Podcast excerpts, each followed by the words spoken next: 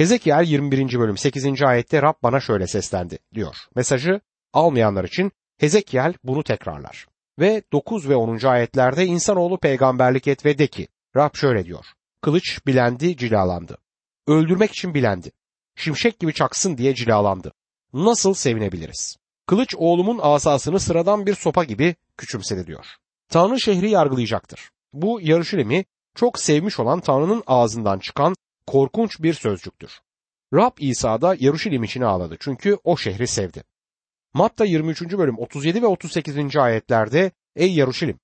Peygamberleri öldüren, kendisine gönderilenleri taşlayan Yaruşilim, tavuğun civcivlerini kanatları altına topladığı gibi ben de kaç kez senin çocuklarını toplamak istedim ama siz istemediniz. Bakın eviniz ıssız bırakılacak diyor. Bu yargının ne kadar korkunç olduğunu öğrenmek isterseniz Romalı Titus'un İsa'dan sonra 70 yılında geldiği zaman ne olduğunu okuyun. O şehri yerle bir etti. Tıpkı Hezekiel zamanında Nebukadnezer'in yapmak üzere olduğu gibi. Tanrı ne yapacağını açıkça bildirir ve mesajı da yepyeni bir mesaj değildir. Yaşaya kitabında 66. bölüm 16. ayette şu sözleri okuyoruz. Çünkü o bütün insanlığı ateş ve kılıçla yargılayacak.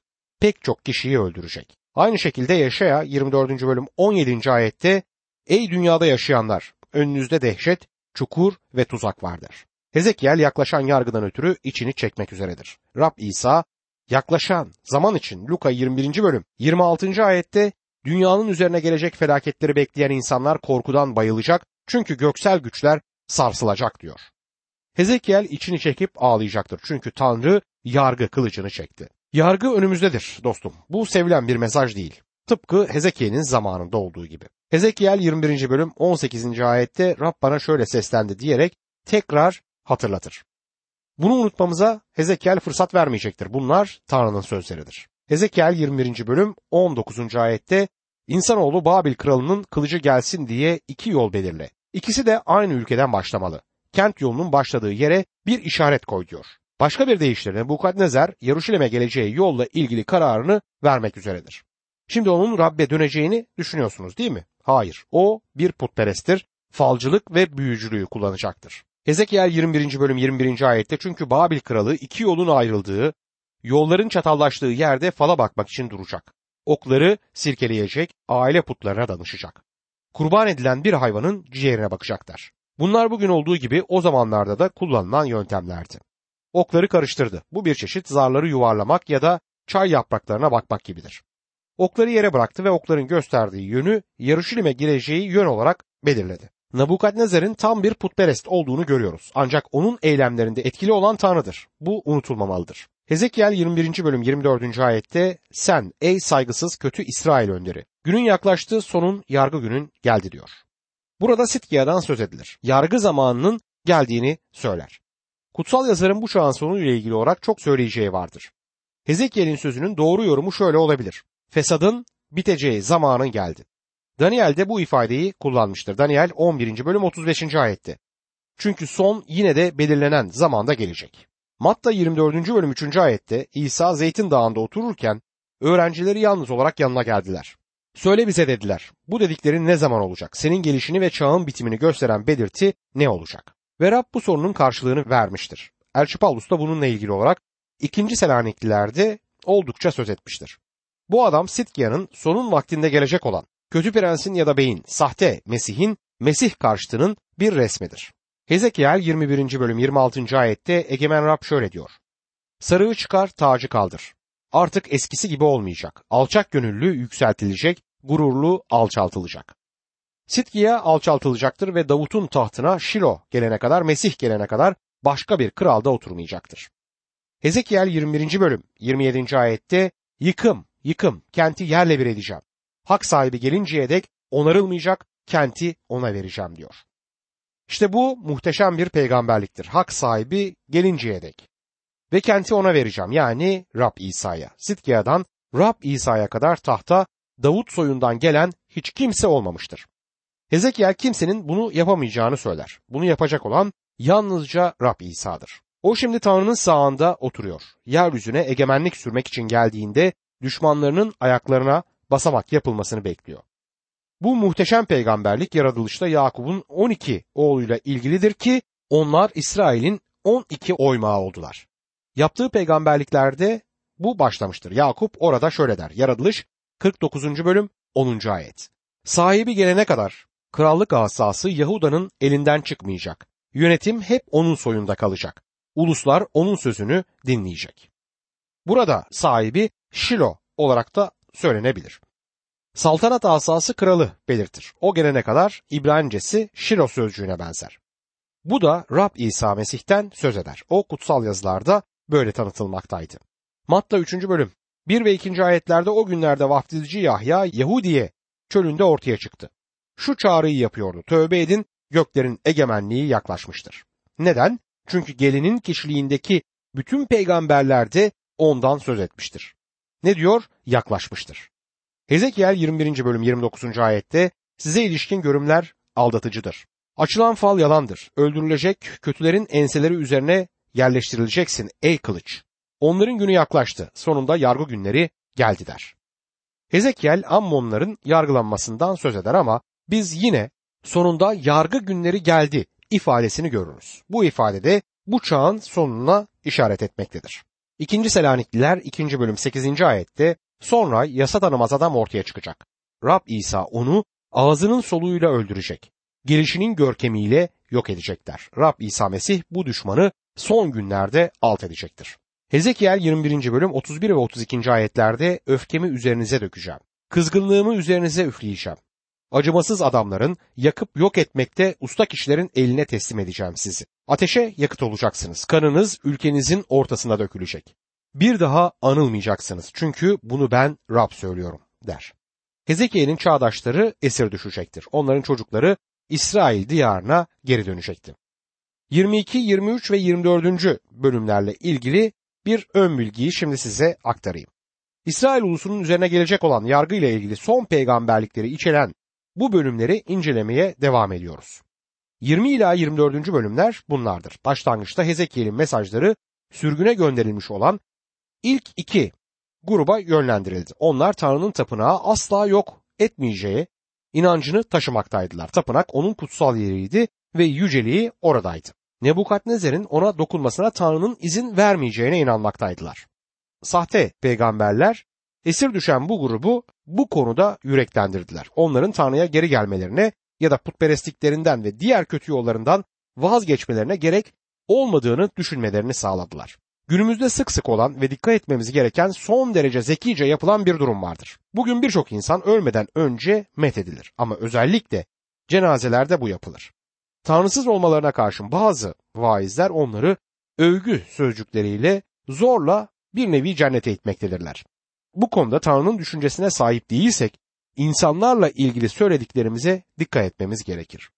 Yoksa imanlı olmayan biri övülen kişiyle kendi iyiliğini kıyaslayabilir. O adamın nasıl bir günahkar olduğunu biliyorum diyebilir ve kurtarıcıya ihtiyacı olmadığı inancına sürüklenebilir. Bugün müjde ne yazık ki sık sık kutsallardan oluşan kalabalıklara verilirken kurtulmamış kişinin bulunduğu yer ve zamanda verilmez. Hatta bazen vaiz kalabalığı hoşnut etmek için mesajını ona göre de düzenler. Hezekiel'in zamanında da sahte peygamberlerin yaptığı buydu. Hezekiel bunu son peygamberliklerde daha da iyi dile getirecektir. 20. bölümde İsrail'in güneyindeki Negev ile ilgili peygamberlik vardı. O peygamberliklerde Tanrı ben senin içinde ateş tutuşturacağım dedi. O bölgede bulundum. Orası bomboş bir yerdir. Hiçbir bitki dahi yoktur. Tüm alanda kolumdan daha büyük bir ağacı görmedim. Oysa orada zamanında bir orman vardı ama Tanrı onu yargıladı. Ve işini de iyi yaptı. 21. bölümde Rab İsa gelinceye kadar Davut'un tahtında kimsenin oturmayacağına dair büyük bir peygamberlik bulunmaktadır. Melek Meryem'e ona babası Davut'un tahtını vereceğim derken işte bundan bahsediyordu.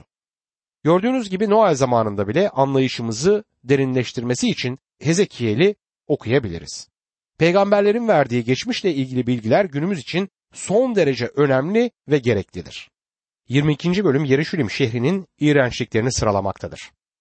1 ve 2. ayetlerde şöyle der. Rab bana şöyle seslendi. İnsanoğlu Yeruşalim'i yargılayacak mısın? Kan döken bu kenti yargılayacak mısın? Öyleyse bütün iğrenç uygulamalarını ona bildir. Kan döken bir kent diyor. Hezekiel Yeruşalim'e böyle der. Yeşaya da aynı şeyi söylemiştir. Yeşaya 1. bölüm 21. ayetti. Sadık kent nasıl da fahişe oldu. Adaletle doluydu, doğruluğun barınağıydı, şimdi ise katillerle doldu der. Rab İsa Yarışilim için ağlayarak Luka 11. bölüm 34. ayette bedenin ışığı gözdür. Gözün sağlamsa bütün bedeninde aydınlık olur. Gözün bozuksa bedenin de karanlık olur der. Zaten onu da öldürmediler mi? Öldürme işini yapan Romalılara onu teslim ettiler. Elçilerin İşleri 7. bölüm 52 ve 53. ayetlerde atalarınız peygamberlerin hangisine zulmetmediler ki? Adil olanın geleceğini önceden bildirenleri de öldürdüler. Melekler aracılığıyla buyurulan yasayı alıp da buna uymayan sizler şimdi de adil olana ihanet edip onu katlettiniz diyen İstefan'dı. Matta 27. bölüm 25. ayette bütün halk şu karşılığı verdi. Onun kanının sorumluluğu bizim ve çocuklarımızın üzerinde olsun. İsrail liderleri inançlarından vazgeçerek büyük bir günah işledi. Hezekiel 22. bölüm 25. ayette önderleri kükreyen, avını parçalayan aslan gibi orada düzen kurdular. Canlara kıydılar. Hazineler, değerli nesneler aldılar. Birçok kadını dul bıraktılar diyor. Sahte peygamberleri her şey yolunda, iyi gidiyoruz demekteydi. Hezekiel 22. bölüm 26. ayette kahinleri yasamı hiçe saydılar. Kutsal eşyalarımı kirlettiler. Kutsalla bayağı arasındaki ayrımı yapmadılar. Kirli ile temiz arasındaki farkı öğretmediler. Şabat günlerimden gözlerini çevirdiler. Kutsallığımı önemsemediler der. Kahinleri Tanrı'nın yasasını açıkça çiğniyordu. Hezekiel 22. bölüm 27. ayette ise yöneticileri avını parçalayan kurt gibidir. Haksız kazanç elde etmek için kan döküyor, canlara kıyıyorlardır. Yani yöneticileri avını parçalayan bir kurt gibiydi. Paulus inanlar topluluğunu kuzu postuna bürünmüş kurtlara karşı Elçilerin İşleri 20. bölüm 29. ayette uyardı. Ve bugün kilisede onlardan olanlar var. Yarışilim neden kanlı kent olarak adlandırılmaktadır? Peygamberler, kahinler ve önderlerden ötürü. Hezekiel 22. bölüm 30 ve 31. ayetlerde içlerinde duvarı örecek, gedikte durup önümde ülkeyi savunacak, onu yerle bir etmemi engelleyecek bir adam aradım. Ama hiç kimseyi bulamadım. Bunun için öfkemi üzerlerine boşaltacak, kızgınlığımla onları yakıp yok edeceğim. Yaptıklarını kendi başlarına getireceğim.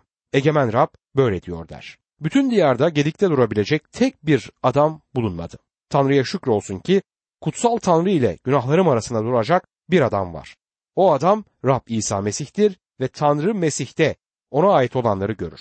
Bugün gedikte duran bu kişi için, Mesih için şükrediyorum. Hezekiel 23.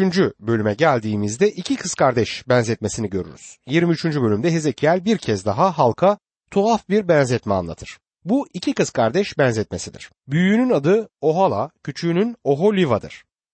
Bu benzetmeyi anlatmaya başladığında insanların gülümseyerek bu adam böyle bir öyküyle nereye varmak istiyor dediğini düşünürüm. Hezekiel 23. bölüm 1. ayette Rab bana şöyle seslendi der yine Hezekiel. Yani bu öyküyü uydurmadım. Bunun mesajını bana Tanrı verdi der.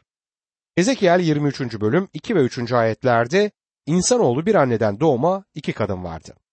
Gençliklerinde Mısır'da fahişelik ettiler. Memeleri orada okşandı, erdenliklerini orada yitirdiler. Bu iki kız kardeş bakire değildi. Yani fahişe olmuşlardı. Hezekiel'in konuştuğu şeyler bu durumda nedir? Hezekiel 23. bölüm 4. ayette büyüğünün adı Ohala, küçüğünün Oholiva'ydı.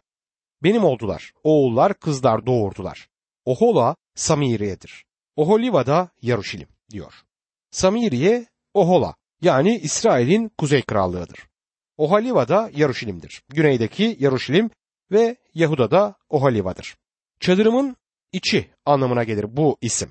Bunu söyleyen kimdir? Çadırımın içi diyen Rabbin kendisidir. Bir başka deyişle Güney Krallığında Yarışilim'de Süleyman'ın muhteşem tapınağı bulunmaktaydı.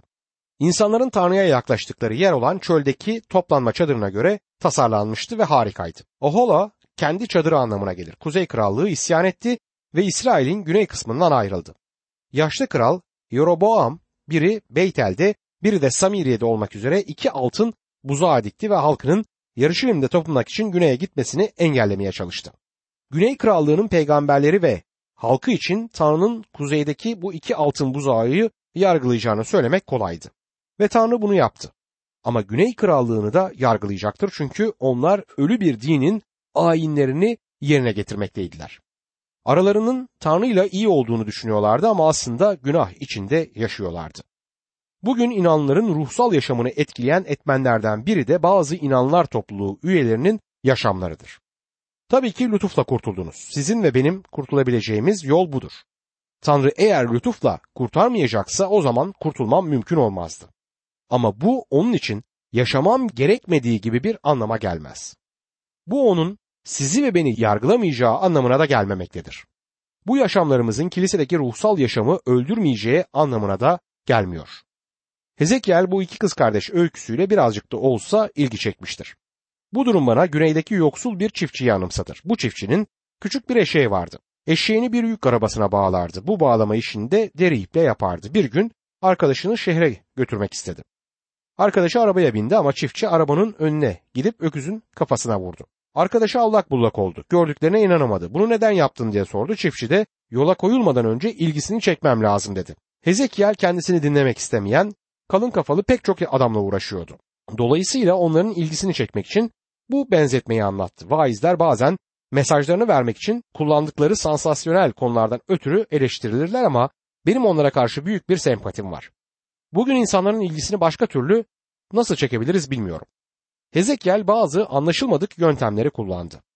Hezekiel 23. bölüm 12. ayette ise o da hepsi de genç yakışıklı Asurlulara, valilere, komutanlara, iyi donanmış savaşçılara, atlılara gönül verdi diyor. Bu Kuzey Krallığında yaşlı kral Ahaz'ın tahtayken olmuş tarihi bir olaya gönderme yapar. Kral Ahaz, Asur kralı Tiglat Pileser'i karşılamak üzere Şam'a gittiğinde oradaki sunağı gördü ve sunağın gördükleri içindeki en güzel sunak olduğunu düşündü. Böylece bu sunağın ayrıntılarını gösteren taslağı alıp aynısını yapması için bunu kahin Uriya'ya gönderdi. Bunu 2. Krallar 16. bölüm 10 ila 18. ayetler arasında okuyoruz. Tapınmayı geliştirmek istiyordu. Bunun için de bu yollara başvurdu. Evet Tanrı bunu gördü ve Kuzey Krallığını bunun için yargıladı. Şimdi Babil'in Güney Krallığını ele geçirmesi gerçekleşmek üzeredir. Bunun başka bir alternatifi yoktu. Tanrı hem Kuzey hem de Güney Krallıklarını yargılayacaktır. Çünkü onlar diri ve gerçek olan Tanrı'ya sırtlarını döndü. Biri putperestliğe saparken diğeri de Tanrı'ya tapınır gibi davrandı. Dostum Tanrı'nın halkının Elçi Paulus'un uyarılarına kulak vermesinde fayda var. 2. Korintiler 13. bölüm 5. ayet. İman yolunda olup olmadığınızı anlamak için kendinizi sınayıp yoklayın der Paulus. Biri imanlıya verilen güvenceye inanmıyor musun diye sorabilir. Evet inanıyorum ama imanlı gibi görünenlerin güvencesizliğine de inanıyorum. Kendimizi sınayıp yoklamamız gerekiyor. Kiliseye gittiğinizde gerçekten Tanrı'ya tapınıyor musunuz? Mesih'e yaklaşıyor musunuz? Onu gerçekten seviyor musunuz? O sizin sevgisiz hizmetinizi istemez. Yuhanna 21. bölümde Petrus'a şu soruyu sordu. Beni seviyor musun? Elçi Petrus sevdiğini söylediğinde Rab ona kuzularımı otlat dedi. Rab onu ancak o zaman kullanabildi. Hezekiel 24. bölümde paslı kazan benzetmesi anlatılır. Burada geçen paslı kazan benzetmesiyle Hezekiel'in karısının ölümünü görüyoruz. Tanrı bu iki durumu halkına konuşmak için kullanacaktır. Hezekiel 24. bölüm 1 ve 2. ayetlerde şöyle yazar. Sürgünlüğümüzün 9. yılı 10. ayın 10. günü Rab bana şöyle seslendi. Ey insanoğlu! Bugünü, bugünün tarihini tam olarak yaz. Çünkü Babil kralı tam bugün Yarışilim'i kuşatmaya başladı. Hezekiel ilk kez verdiği mesajına tarih atar. Tam o anda Nebukadnezar Yarışilim'in duvarlarını yarıp girmekteydi. O günlerde Hezekiel'i olup bitenlerden haberdar eden bir televizyon ya da radyo yoktu. Mesajını Yarışilim'den Babil'e göndermesini sağlayan çanak antenler de yoktu. Bu mesajı alabilmesinin tek yolu Tanrı'nın bunu ona göstermesiydi. Liberal yorumcuların hep bu ayette bir sorunu olmuştur. Onlardan biri şöyle der. Bu ayet bizi açıkça şu ikilemle karşı karşıya getiriyor. Ya Hezekiel bir dolandırıcıydı ya da bir nevi ikinci bir görüşe sahipti. Kesinlikle ikinci bir görüşe sahip olduğunu söyleyebiliriz. Tanrı'nın görüşüne sahipti. Tabii ki liberaller bunu bu şekilde görmüyor. Hezekiel 24. bölüm 6. ayette Egemen Rab diyor ki kan döken o kentin vay başına. Pas tutmuş, pasından temizlenmemiş o kazanın vay başına. Kazandan eti kura çekmeden parça parça çıkarın. Yaruşilim'e yine kan döken kent denir. Bir kazan vardır ve bu kazan paslıdır. Kazan Yaruşilim şehridir. Sakinleri de bu kazanın içindedir. Günahları da kazandaki pastır. bazılarının birileri için yeryüzünün pası dediğini duyarız. Tanrı'nın ne söylediğini duymak ister misiniz? O sizin günahınızın ve benim günahımın yeryüzünün pası olduğunu söylüyor. Dikkatle dinleyin. Hepimiz aynı kazandayız. Yarışilimin kazanı bugün sizin ve benim için bu dünyanın kazanıdır. Farklı etnik gruplar diye başlayan konuşmalardan bıkıyorum. Hepimiz aynı kazandayız ve hepimiz bu yeryüzünün paslarıyız. Yani bizim günahlarımız yeryüzünün pasıdır. Bunun bundan daha güçlü nasıl söyleneceğini bilmiyorum. Hezekiel 24. bölüm 15 ve 16. ayetlerde Rab bana şöyle seslendi. İnsanoğlu en çok sevdiğin kişiyi bir vuruşta senin elinden alacağım. Yas tutmayacak, ağlamayacak, gözyaşı dökmeyeceksin. Öyle görülüyor ki peygamber iyi, hoş bir İsrailli kızla evlenmişti ve birbirlerini de seviyorlardı. Ancak sürgünde hasta oldu ve öldü. Hezekiel için bunun yürek dağlayıcı bir şey olduğundan eminim ama o yine üzerine düşeni yapmak zorundadır. Hezekiel 24. bölüm 17. ayette için için inle. Ölüler için yas tutmayacaksın. Sarığın başında çarığın ayaklarında kalsın. Yüzünün alt kısmını örtme. Yas tutanların yiyeceğini yeme diyor. Tanrı ona yas tutan biri gibi davranma der. Ve halk da bunu anlamadı. Halk Hezekiel'e gelip şimdi bu ne anlama geliyor? Sevdiğin karın öldü ve sen hiç yas tutmuyorsun. Ne biçim bir adamsın dedi. Hezekiel bunu halka bir mesaj vermek için kullanıyordu. 24. ayet Hezekiel kitabının tamamının anahtarıdır ve şöyle der. Hezekiel sizin için bir belirti olacak. O ne yaptıysa siz de aynısını yapacaksınız. Bunlar olunca benim egemen Rab olduğumu anlayacaksınız der. Tanrı o anda Yarışilim'i yıkıyordu ve daha sonra düşüşüyle ilgili olarak sürgündekilerine şu söz geldi. Hezekiel 33. bölüm 21. ayet. Sürgünlüğümüzün 12. yılı 10. ayın 5. günü Yarışilim'den kaçıp kurtulan bir yanıma geldi. Yanıma gelip kent düştü dedi. Arada kalanlar kampa geliyorlar çünkü kötü görünmüş olmalıydılar. Kentten kaçıyorlar. Sahte peygamberler hatalıydı. Kent yandı, tapınak yerle bir oldu ve şehir yıkıntıya döndü. Hezekiel yas tutmamakta haklıydı. Yas tutmamasının gerekçesini 27. ayette görüyoruz. Hezekiel 24. bölüm 27. ayet. O gün dilin çözülecek. Kaçıp kurtulanla konuşacak. Bir daha suskun olmayacaksın. O günler onlar için bir belirti olacaksın. O zaman benim Rab olduğumu anlayacaklar diyor. O zaman benim Rab olduğumu anlayacaklar. Yarışilim Tanrı'nın kenti, tapınakta onun eviydi. Onlar Tanrı'nın dünyaya karşı tanıklarıydı. İsrail halkı başarısız kalınca Tanrı şöyle dedi. Yeryüzündeki tapınağımı yıkacağım. Kentin yıkıldığını bilmenizi istiyorum. Halkınızın tümü sürgüne gidecek ama ağlamanın bir yararı yok. Şimdi bana feryat etmenin bir faydası yok. Bunu yaptım. Bundan sorumlu olan benim diyor. Rab İsa Mesih vahiy kitabında yedi kiliseden her birine dünyaya karşı olan tanıklığına dikkat et. Yoksa gelip kandilliğini yerinden kaldırırım dedi. Yedi kilisenin tümünün kandilliği yerinden kaldırılmıştır. Bugün bu kiliselerden hiçbir yerinde durmuyor. Bunun bize verilen bir mesaj olması gerekir. Eğer bir Mesih inanlısıysanız ve Tanrı'ya göre bir duruşunuz, bir yaşayışınız yoksa o sizin kandilliğinizi yerinden kaldıracaktır. Hiç ışık olmayacaktır. Bu güçlü bir mesaj. Sık sık duyduğumuz sulandırılmış bir mesaj değildir. Bu Hezekiel'dir ve Tanrı için konuşur.